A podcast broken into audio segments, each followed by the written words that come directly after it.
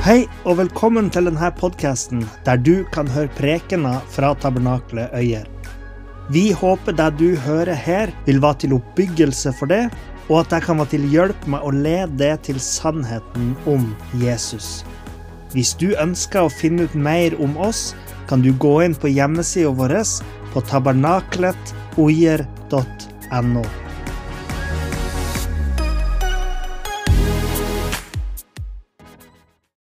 Far, jeg takker deg for den samlinga her. Jeg takker deg for ditt nærvær som er her nå, og for den atmosfæren som du skaper her midt iblant oss i dette fellesskapet. Jeg bare ber om at eh, eh, vi skal være åpne for ditt ord i dag. Vi skal ta imot oppmuntring, ta imot formaning, Herre, med et åpent hjerte, et åpent sinn i dag, far. Mm, jeg takker deg for deg, Jesus. Amen. Ja, det er helt riktig som du sier, Anton. Det er veldig godt å være samla her. Og um, jeg hører jo rykter om at uh, noen uh, de sier at koronaen snart er helt over. Det var en ekspert som takka, for pandemien for denne gangen. Så det, det er lys i enden av tunnelen, og det er godt.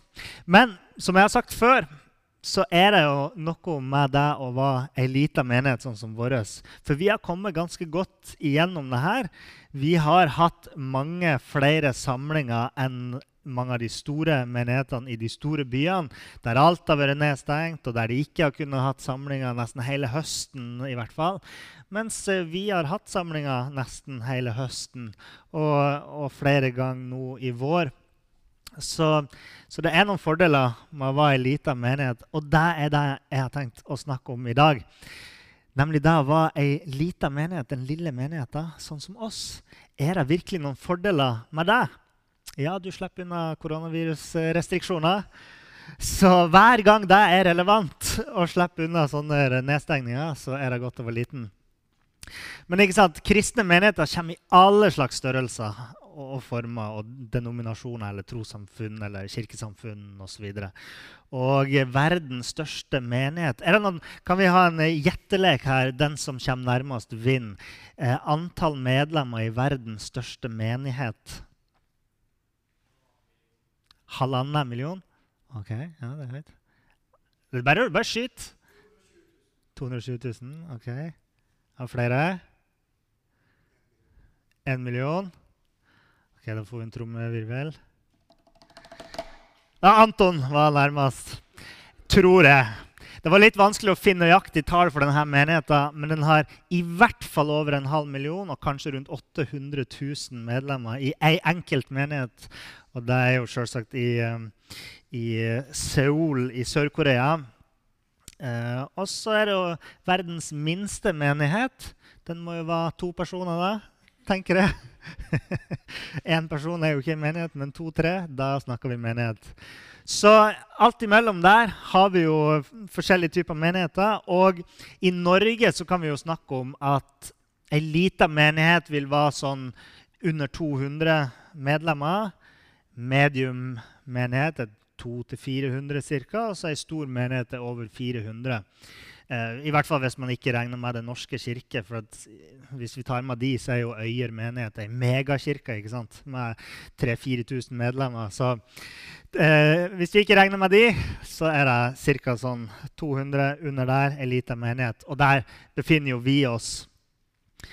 Og størrelsen på en menighet kan jo ha positive og negative sider sånn som f.eks. det å slippe unna koronaviruset, er jo en positiv side ved å være liten. Uh, og ei stor menighet uh, vil jo ha masse ressurser, en stor stab. Uh, noen ganger så har jo jeg og Jon Ole lunsj sammen. Da føler vi at vi er et kollegium her på huset. og Jeg har liksom en stab som samarbeider, men ei stor menighet har kanskje, kanskje 10-15-20 ansatte. ikke sant? Mange som er med der. Og Eh, men så små menigheter har sine fordeler òg, og det er de jeg har lyst til å fremheve i dag. Så den første tingen er at når man er i lita menighet, så fremhever det opplevelsen av å være en familie. Når man eh, kommer på en gudstjeneste her på tabernaklet, så er det jo ofte sånn at i hvert fall hvis man tar seg tid til det, så kan man hilse på hver enkelt som er her, som kommer hit på huset, og ta de i handa, se de i øynene. Ja, ja, nå kan vi ikke ta de i handa, men vi kan se de i øynene i hvert fall. Uh, jeg har ikke hørt at det smitter det viruset ved å se på folk. Enda. Det kan jo komme en sånn norsk utgave av dette viruset som er litt sånn. um, men um, jeg har i hvert fall et vagt minne om håndhilsninger sånn før koronaen kom. Så det kan jo hende det kommer tilbake. Og Paulus han skrev i 1. Tessalonikerne 2,17 om håndhilsning under korona. Nei, det var ikke det han skrev om. 1. Eh, Tessalonikerne 2,17 så skriver han.: Men vi, søsken, etter at vi ble tatt bort fra dere en kort tid så Han snakker om at Paulus og medarbeiderne hans var borte fra menigheten i tid. Eh, da var vi vel ute av syne, men ikke ute av hjertet. Vi prøvde med enda større iver og med stor lengsel å få se deres ansikt igjen. Paulus lengta etter å se igjen menigheten i Tessalonika. Og han ville se dem Se ansiktet deres, hils på dem, møte dem personlig. Eh, ikke bare ha en sånn fjern åndelig relasjon til dem, men ha en fysisk relasjon. Da. Kunne ta dem i handa. Eh, det var vel Peter som snakka om å hilse brødrene med et eh, kyss. ikke sant? Så det var noe med den nærheten, den, den, eh, den fysiske kontakten med hverandre. Og fordi at vi har ei lita menighet her, så er denne personlige relasjonen lettere å få til. Og um, etter, etter, man har gått her en stund Det er jo noen som ikke har gått her så lenge, men etter å ha gått her en stund, så kanskje lærer man seg navnet på alle som, som er her. Og jeg brukte jo litt tid på det. Først når jeg kom hit til Øyer, så gjaldt det å lære meg navnene på alle i Kjersti, kona mi, sin familie. Og um, det er jo en jobb i seg sjøl, for hun har stor slekt her i Øyer. Eh, men når jeg hadde lært meg navnene på de, så kunne jeg jo navnene på nesten halve menigheten allerede. Så det var jo vinn-vinn, eh, det der. Veldig greit. Eh, men ikke, ikke, bare er det sånn ofte i, i de her små, veletablerte menighetene, sånn som Tabernaklet Øyer er, at mange faktisk er i familie med hverandre. Men det er lettere å få denne opplevelsen av at vi er en åndelig familie òg som går utover eh, de fysiske relasjonene, altså sånne familiære relasjoner. da. Eh, fordi det her konseptet åndelig familie det gjelder jo for alle troende og for hele verden, for så vidt. Jeg mener, Man kan reise til et helt annet sted. Vi hørte jo et langt brev her om et helt annet sted i verden. Det er vår åndelige familie. Og mange ganger har jeg opplevd det. Jeg reiser ut i verden. Det er noe av det fineste jeg vet. nærmest da, Når jeg er på ferie og så drar innom lokale menigheter, og så kjenner jeg Wow! Vi er jo Vi har jo noe av det samme. Vi er jo en åndelig familie her. Det er veldig fint og veldig sterkt. Eh, men samtidig, når vi tenker på liksom den verdensvide kirken, så blir det samtidig litt mer abstrakt. ikke sant? Når man snakker om sånn Ja, vi er alle barn under regnbuen. Ja, ja. Eh, eller vi har en åndelig familie langt der borte. Så kan det bli litt abstrakt og litt fjernt på en måte. Og derfor så tenker jeg dess større menighet, dess mer abstrakt blir ideen om at man er en åndelig familie innad i menigheten òg. Eh, ta f.eks. måten Paulus skriver at man eh, forholder seg til hverandre i menigheter. Um, bruk ikke harde ord mot en eldre mann, men forman ham som en far. Forman unge menn som brødre, eldre kvinner som mødre og unge kvinner som søstre i all renhet. Så formaninga Paulus kommer med her, er at man skal eh, forholde oss til hverandre som om vi var en familie, med den samme respekten. sant? At vi snakka til en bror som om han var, eller til en eldre som om han var en far, og til kvinner som om de var våre søstre og mødre. Og Det er veldig fint, for det sier noe om hvordan vi skal snakke til hverandre. Uh, og det er klart at noen ganger er det jo sånn at de man snakker hardest til, er jo de som er i nærmeste familie. Men jeg tror ikke det er det Paulus uh, mener. At man skal, at man skal kjefte på liksom, de eldre som om de var foreldrene sine. 'Å, dere skjønner ingenting! Dere vet ikke hvordan jeg har det!' Og slenge med døra. Liksom. jeg tror det er meninga at man skal snakke med hverandre med respekt og kjærlighet. da. Det er denne, eh, den enheten og renheten man skal ha i menigheten. Så tenker jeg da at når man er i lita menighet, så er det mye enklere å greie å ha denne kjærlige og respektfulle tonen til hverandre når man kjenner hverandre, og man faktisk er glad i hverandre fordi man vet hvem det er man ser og snakker med i menigheten. I tillegg så er det i ei lita menighet enklere det her med å ha fellesskap på tvers av generasjonene. Der eh, voksne i menigheten får varme relasjoner til barn i menigheten. Og der unge og barn i menigheten får gode relasjoner til andre voksne enn eh, sine egne foreldre og sin egen familie. Eh, for vår del så hadde vi jo med den eldste dattera vår hit på tabernaklet da hun var eh, tre dager gammel. fire dager gammel.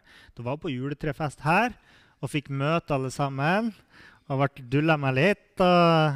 Så det er noe godt med det. Jeg vet ikke hvor mange ganger liksom, har kommet inn her, og så har hun løpt bort til Jon Ole eller til Kåre og skal sette på fanget.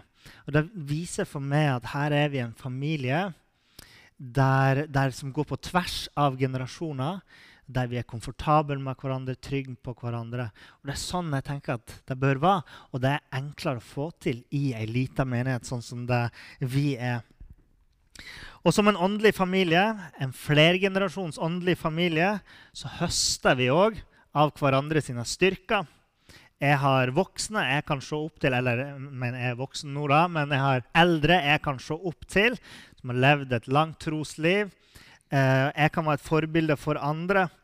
Ungdomsarbeidet høster rikdommen som de eldre har akkumulert opp gjennom livet. Mens de eldre kan sette rolig på søndagsmøtene og høre ungdommene spille her. Så man høster hverandre sine gaver. Så det er veldig fint. Det er vinn-vinn. Um, men det at menigheten fungerer som en sånn her type familie, er ikke, er ikke, noe som vi skal ta for gitt. Men det er en velsignelse for oss. Jesus sa i Markus kapittel 10, vers 29 og 30.: Sannelig, jeg sier dere, enhver som har forlatt hus eller brødre eller søstre eller mor eller far eller barn eller åkrer for min skyld og for evangeliets skyld, skal få hundre ganger så mye igjen. I den tiden som er nå, skal han få hus, brødre, søstre, mødre, barn og åkrer. I den tiden som er nå. Det betyr at Jesus snakker om det her som eh, som noe som vil være en realitet for troende. Ikke noe som man får i himmelen. Liksom, at Da skal man få en åndelig familie med, med brødre, søstre og, og, alt det her, far og mor og, og åkra. Men det er noe vi får her i denne tida. Og jeg tror det her snakker om menigheter og hvordan vi skal ta vare på hverandre i menigheter. Du vet, Nå er det ikke så ofte her i Norge at vi trenger å ofre familierelasjoner for å bli troende. Noen ganger kan det nok skje at uh, f.eks. noen i familien reagerer negativt på at man sier at du er blitt kristen, jeg er blitt født på ny. Uh, men det er ikke sikkert at det bryter opp relasjoner. Men noen plasser i verden så er det sånn det er. At når folk bekjenner seg som troende, Jesus-troende, så vil ikke familien ha noe mer med det å gjøre. Kanskje til og med familien vil prøve å ta livet av det fordi du har blitt en troende. Så Jesus han sier det her i en verden der, der, det var sånn at å bekjenne seg til troen på Jesus kun førte til at familien din ble, ble uh, dratt ifra hverandre og splitta pga. det. Men han oppmuntra da tilhørerne sine ved å si at du skal få en ny familie. Ny far og mor og brødre og søstre. Du får ny eiendom hvis de tar den ifra deg. Så sånne menigheter Eh, og, så den ene fordelen ved å være en liten menighet er denne opplevelsen av å være en familie. Og det er godt. En annen fordel er at det er større muligheter til å vokse. Og da tenker jeg òg på personlig vekst. For det første så er det mer sannsynlig at du er nødvendig. Det er mer sannsynlig i ei lita menighet at du er nødvendig for at menigheten skal gå rundt. At den skal fungere. Hvis man sammenligner ei stor og ei lita menighet, så vil man se at man har mange av de samme essensielle oppgavene. Sånn som her i dag. Da. Vi har teknikere, vi har musikere, vi har en ja, predikant, forkynner, vi har en møteleder. Det er sånne essensielle roller som vi har her. Det er essensiell. Vi kunne hatt en gudstjeneste uten de her rollene, selvsagt. Men, um, men en vanlig gudstjeneste ser ut sånn som det her, om du er i lita menighet eller i stor menighet. Og um, så liksom antallet essensielle personer vil jo være ca. det samme i elite og i stor menighet. Men antallet kirkegjengere man har tilgjengelig for å fylle de her rollene, er mye mindre i liten menighet sånn som vår enn i stor menighet. For der kjører de på. De har de 100 personer i lovsangsteamet. 15 gitarister, 7 pianister. Og de bare kjører på, for de har så mye folk sant, tilgjengelig. Eh, men i ei lita menighet så har man ikke det. Her har man ikke den, de ressursene å ta av. Og derfor er behovet for hver enkelt så mye større. Du er nødvendig i ei lita menighet. Det er større behov for det. Og jeg vokste opp i ei menighet som bare er litt større enn den her. Og, og der fikk jeg mulighet til å gjøre så mange forskjellige typer oppgaver. Eh, og eh, ja, jeg fikk lov til å tjene med mine gaver. Jeg fikk lov til å vokse i, i flere tjenester. Mens i storbyene, der det er mange som kan fylle én og samme rolle, så der opplevde ikke jeg at behovet for meg var like stort. da. Jeg var ikke ufravikelig, i hvert fall. Langt derifra. Så det betyr at i en liten menighet vil du få større mulighet til å vokse fordi at det er mer sannsynlig at du vil få tjene i menigheten. Altså er, Det er større sannsynlighet for at du er nødvendig, og det er større sannsynlighet for at du vil fortjene. I ei stor menighet sånn som Philadelphia i Oslo så har de kanskje i hvert fall ti faste forkynnere som går på rotasjon. ikke sant? Jeg vet ikke om dere har merka at her i menigheten har vi ikke ti faste forkynnere på rotasjon. Men vi har noen. Eh, men det betyr at i en menighet som Filadelfia i Oslo så vil muligheten for å tjene med sin forkynnergave være desto mindre. Det vil være mye sjeldnere at du kan få lov til å stå og tjene med din forkynnergave eh, i en sånn stor menighet. Sant? Og Det gjelder jo de andre tjenestene òg. Du går på en sånn svær rotasjon kanskje i en stor menighet. Og det kan jo være en fordel med så mye folk, men det gir òg muligheten til å vokse mindre. Du har lyst til å stå i en tjeneste. Hva kan jeg gjøre? Ja, Du kan få, få begynne på gulvet som sånn uh, bøssebærer. En gang i halvåret skal du få lov til å bære bøssa. ikke sant? Muligheten for å vokse er ikke like stor da. Kommer du her og spør har du noe jeg kan gjøre, ja, ja, du kan få vaske gulvet, du kan få lage mat i kafeen, du kan få spille instrument, du kan få synge, du kan få preke, du kan få Sett i Eldsterådet! Eller ikke sant? Her har vi masse oppgaver til folk for de som ønsker det. Um, og um, ja, tenk bare på ungdomsarbeidet, f.eks. Her i menigheten opp gjennom årene. Så er det de samme ungdommene som stiller opp hver fredag. Hver fredagskveld så møter de samme opp, og de har kanskje ikke bare én oppgave, men de har mange oppgaver. Og det her gjør at ungdommer som kommer fra små menigheter rundt omkring, som vokser opp og vokser inn i sentrale posisjoner i menigheter. Sant? Det gjør at når de kommer til storbyen, og de er vant med å ha masse å gjøre i menigheter, sant? kommer de til storbyen, så er det ofte sånne folk som kommer inn i sentrale posisjoner i de store menighetene rundt omkring. Fordi at de har fått lov til å vokse. Fordi de fikk muligheten til å tjene. Ja, kanskje de var nødvendige. De var nødt til å tjene der de kom ifra. Og så ser de at wow, de her bygdekristne de har så mange gaver, de har så mye. Hvorfor? Fordi de var fra ei lita menighet der de fikk lov til å vokse, de fikk rom. Og faktisk så har jo uh, menigheten vår fått sett uh, ja, i hvert fall to ungdomspastorer i andre menigheter, større menigheter i Norge som kommer her fra Øyer. Og så har vi jo en egen ungdomspastor som kommer fra vår egen menighet her. Så vi ser at vi har oppfostra noen ungdommer. da, At vi har fått lov til å sende dem ut i verden, og det er veldig fint. Det er, veldig, det er en stor styrke for oss. det. Og så, så det er mer sannsynlig at du er nødvendig, og det er mer sannsynlig at du vil fortjene. Og en ting til som jeg har tenkt på, at det, er mer sannsynlig at du vil bli savna. Du vet, I en stor menighet så er det kanskje ingen som legger merke til om du kommer der eller ikke. Sånn har det vært når jeg har gått til de store menighetene. At uh, om jeg kommer eller ikke, så er det ikke nødvendigvis noen som savner meg, som spør etter meg. Eller, uh, mens i ei lita menighet så, uh, så merkes det når folk er borte. Man spør 'Å ja, kommer ikke han i dag?' Og um, ja Fraværet deres, fraværet ditt, merkes på en positiv uh, måte. da. Det er ikke sånn at jeg tenker sånn, å skrive opp i svarteboka. Han var ikke her i dag.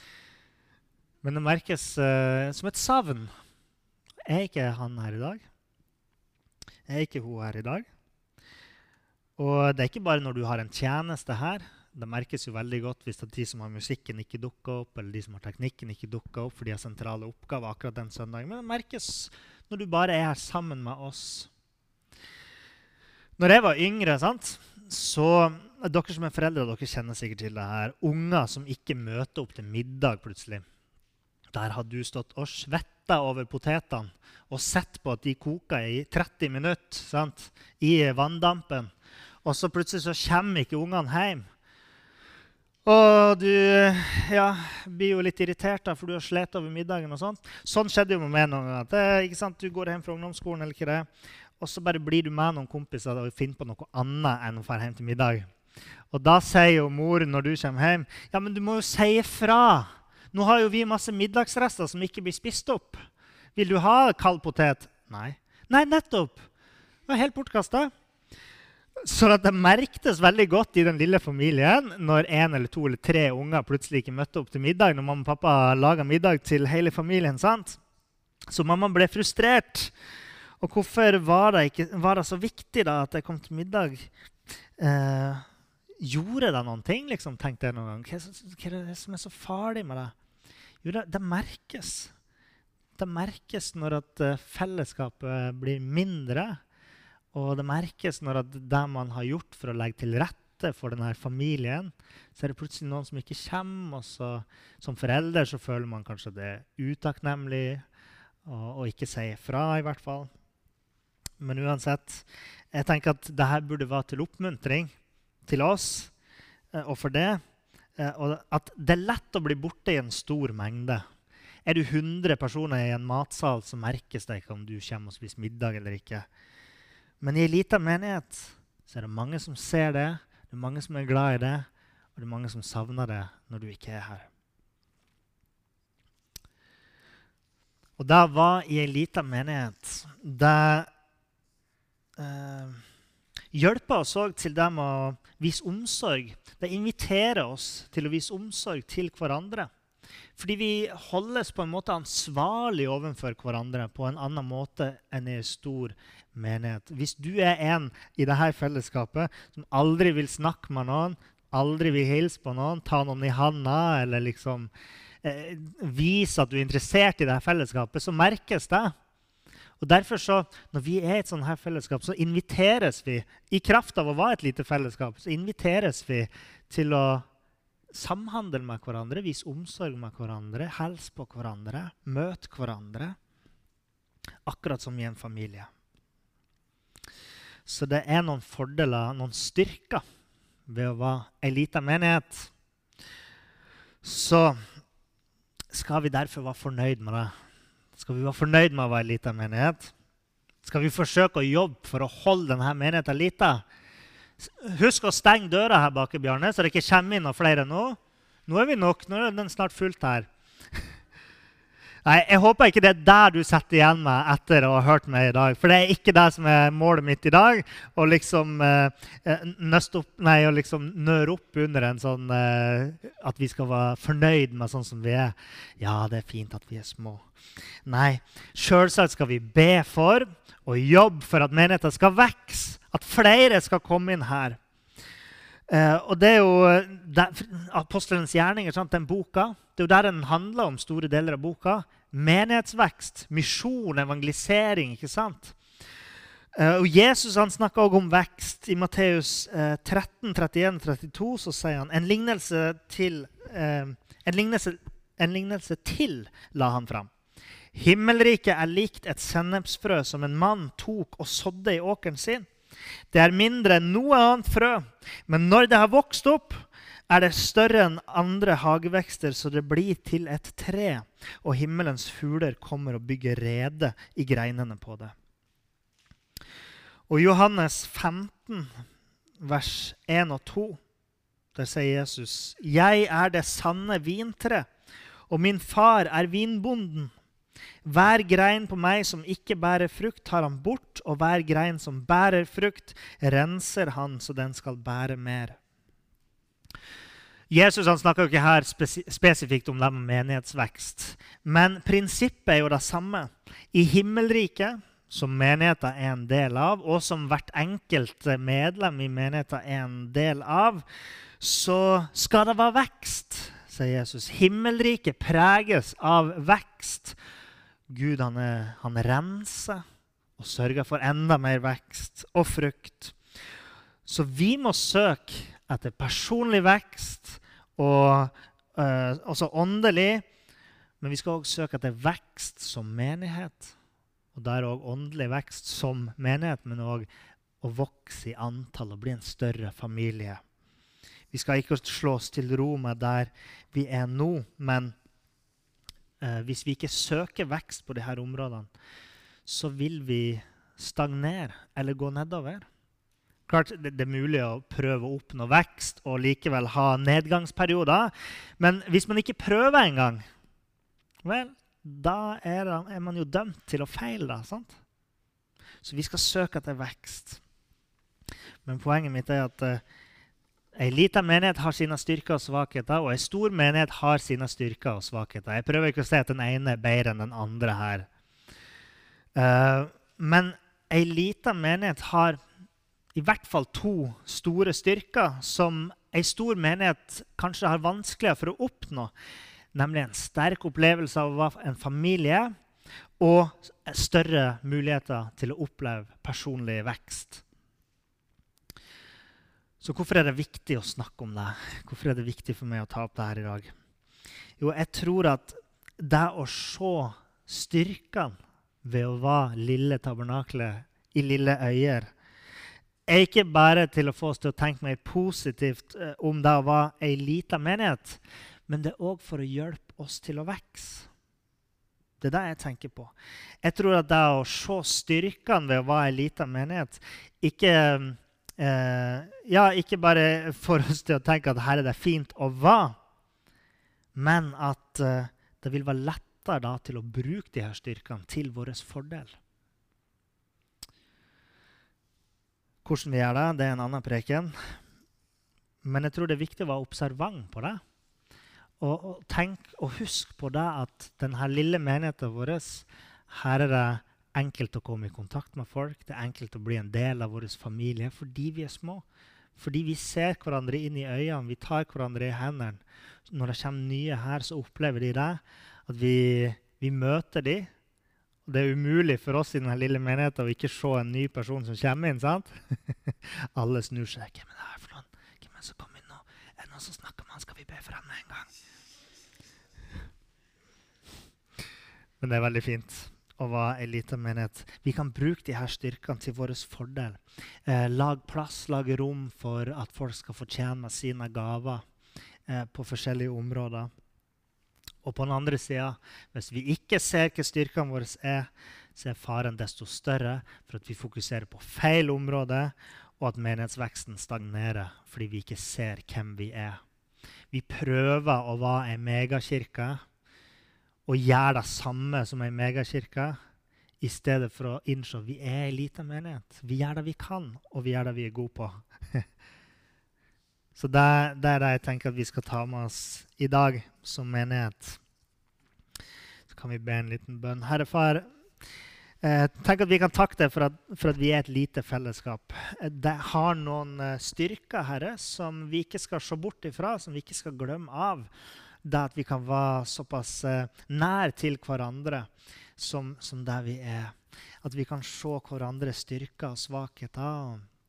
At vi kan få lov til å vokse sammen, både personlig og som menighet. Herre Far, jeg ber deg bare for menigheten vår at vi skal få oppleve vekst. At vi skal, skal få lov til å bruke de her styrkene våre. Det at vi er en familie, det at vi gir muligheter til mennesker for å, for å bli bedre utgave av seg sjøl i det her lille fellesskapet vårt. Jeg ber om at det skal være styrker som, som eh, folk skal se at de kan komme hit og føle seg hjemme. Det ber vi om i Jesu navn, Herre.